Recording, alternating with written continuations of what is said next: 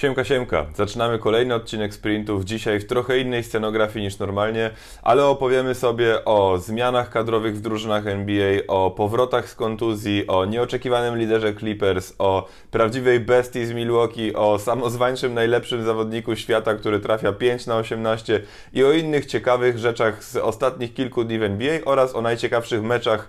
Wszystko w tradycyjnej formule sprintów, czyli w 24 sekundy o wszystkim. Zaczynamy. DeMarcus Cousins jeszcze kilka dni temu zachwycał się niesamowitą chemią w szatni Los Angeles Lakers. Klub zapowiadał, że wraca do zdrowia i może zobaczymy go jeszcze na parkietach w tym sezonie.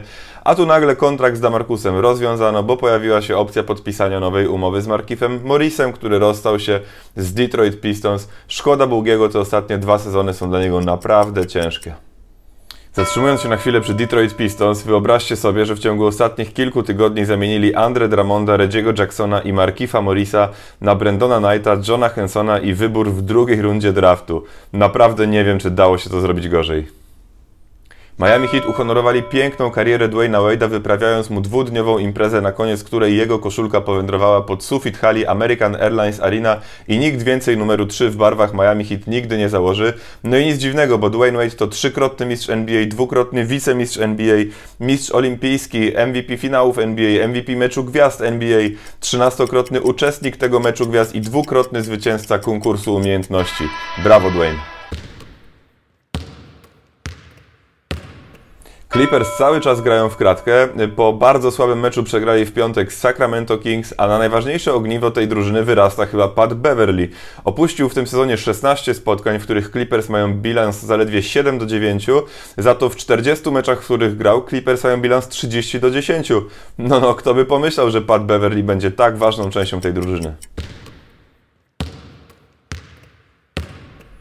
Joel Embiid parę dni temu po wygranym meczu przeciwko Brooklyn Nets, w którym zdobył 39 punktów i 16 zbiórek, powiedział o sobie skromnie, że jest najlepszym zawodnikiem na świecie. No i timing miał chyba nie najlepszy, bo już w sobotę y, Sixers trafili na Milwaukee Bucks, Embiid trafił zaledwie 5 na 18 z gry, a Janis Antetokounmpo rozegrał przeciwko niemu fantastyczny mecz, zdobywając 31 oczek, 17 zbiórek, 8 asyst. Y, Bucks zmietli Sixers, no i chyba czas wracać na ziemię, panie Embiid. Kiedy James Harden i Russell Westbrook trafiają z dobrą skutecznością, Houston Rockets są bardzo trudni do zatrzymania i tak właśnie było w sobotę, kiedy grali przeciwko Utah Jazz. Razem trafili 72 punkty na 55% skuteczności z gry i 53% skuteczności za 3. Rockets dość pewnie rozprawiają się z Utah Jazz w Salt Lake City, a dla Jazz to druga porażka z rzędu nawet pomimo 31 punktów i 7 zbiórek Donowana Michela. Steph Curry w końcu wraca do gry. Pozwolono mu już na wszystkie aktywności koszykarskie, trenuje już i gra w gierkach 5 na 5 na treningach swojej drużyny. Y, wszystko wskazuje na to, że termin jego powrotu 1 marca jest coraz bardziej realny i bardzo dobrze, bo to niesamowity charakter, niesamowity zawodnik i brakuje go bardzo w trakcie tego sezonu NBA.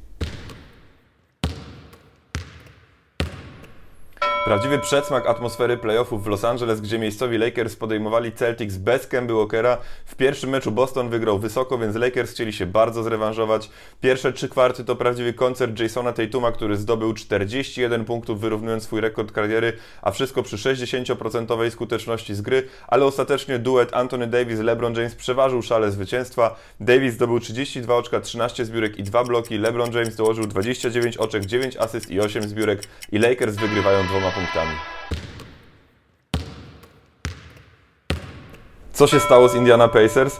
Co prawda dzisiaj grali bez Wiktora Oladipo, a Jeremy Lamb w pierwszej połowie zszedł z kontuzją kolana, ale i tak ostatnio grali poniżej oczekiwań, a dzisiaj dostali potężne lanie od Toronto Raptors, którzy już po pierwszej kwarcie prowadzili o 22 oczka, w przerwie o 31, a cały mecz wygrali o 46 punktów, co jest najwyższym zwycięstwem w historii drużyny.